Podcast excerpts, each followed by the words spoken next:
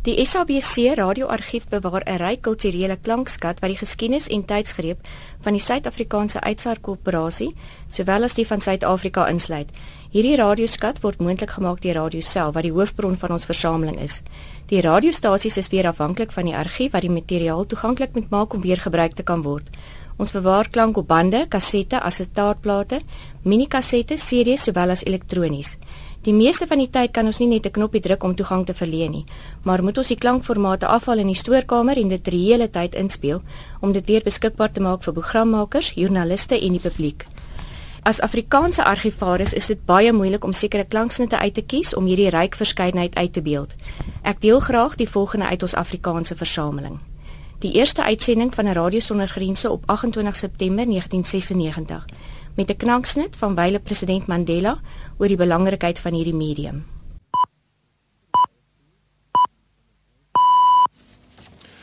Dit is RSG, Radio Sonder Grense, 9 uur tydsyn en hier volg die nuus gelees deur Frans van Rensburg.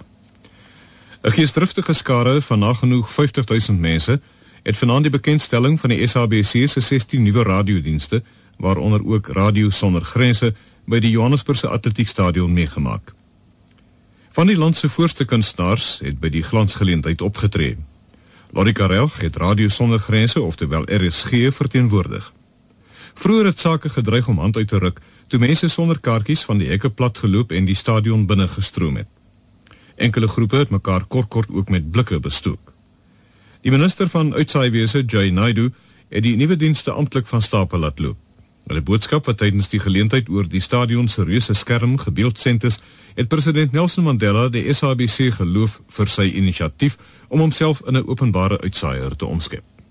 SABC radio alone has the ability to speak to all our citizens. Many listeners are the poorest of South Africans.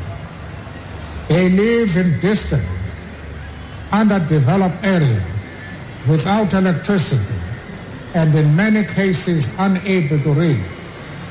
But that small box running on battery, receiving SABC and other broadcasts, keeps them in touch with their country and the world. Ons eerste melodramatiese radiodrama van die 30's, Liefdesdroom wat op 15 Desember 1937 uitgesaai is. Ons stel nou aan u voor Liefdesdroom deur Helene Pinaar de Klerk, een van die dramas wat 'n prys behaal het in die radiodrama wedstryd. Dit is met genoegen dat de Zuid-Afrikaanse Uitsaaikorporatie een wedstrijd aankondigt voor de beste Afrikaanse radiodrama. Hoor daar, Koen. Een prijs van 10 guineas wordt uitgeloofd. Toneelstukken moet niet minder dan 20 minuten duren. Nie. Vervolgens op ons programma Serenade door Elga. Daar, Elisabeth. Daar is nou kans voor jouw onbetuilde verbeeldingskracht. Feitelijk geen palen, geen perken. Jouw verbeelding kan zo dronk raken als hij maar wil. En dan slaan je nog misschien de eerste prijs uit. Tien guineas. Koen, slaan toch maar helemaal af alsjeblieft. Kans voor mijn verbeeldingskracht.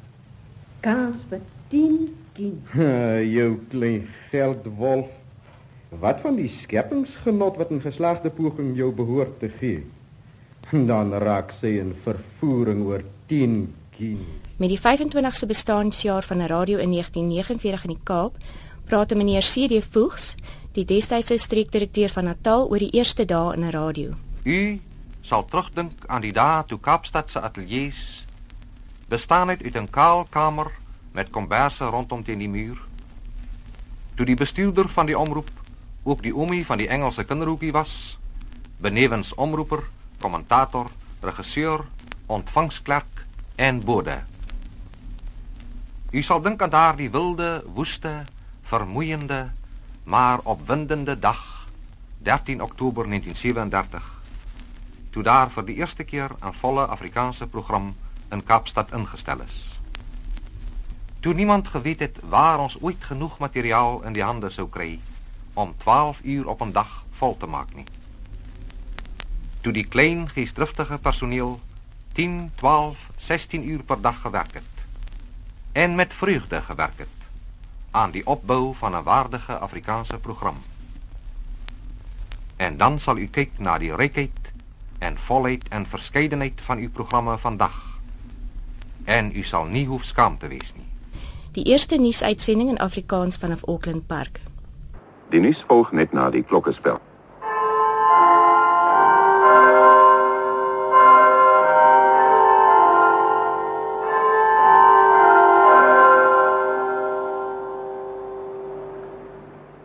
Dit is Radio Suid-Afrika.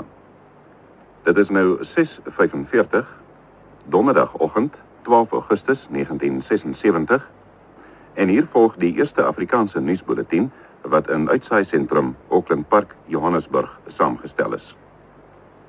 Dit word ook vir die eerste keer daarvandaan gelees deur Nick Swanepoel. Die dodetal in die onderste in swart woongebiede naby Kaapstad het tot 8 gestyg en dit kan moontlik hoër wees. Die minister van inligting sê pogings om die Afrikaner as die onderdrukker uit te sonder sal misluk omdat hulle die eerste mense was wat in Afrika teen kolonialisme geveg het. Minstens 5 mense is dood en 20 beseer in 'n poging om 'n Israeliese vliegtuig op die lughawe van Istanbul te skak. 'n Bekende ekonom sê die lone van swart mense die afgelope 5 jaar vinniger as die van blankes gestyg. Dit sal vandag oor feitelik die hele land baie koud wees. Ten laaste 'n klankslid van 'n gedeelte van 'n voordrag van 'n gedig van MP van Wyk Lou, Beeld van die jeug, Duif en Perd. Dit word voorgedra deur Fred Leroux in 1965. Die jeuggedig is gekies omdat Wêreldradio Dag hierdie jaar fokus op die jeug en radio.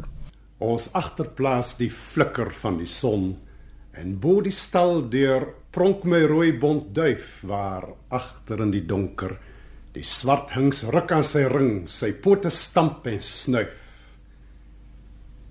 Die helderte is oor my boek en in my oë. Die gruis is warm aan my skeen.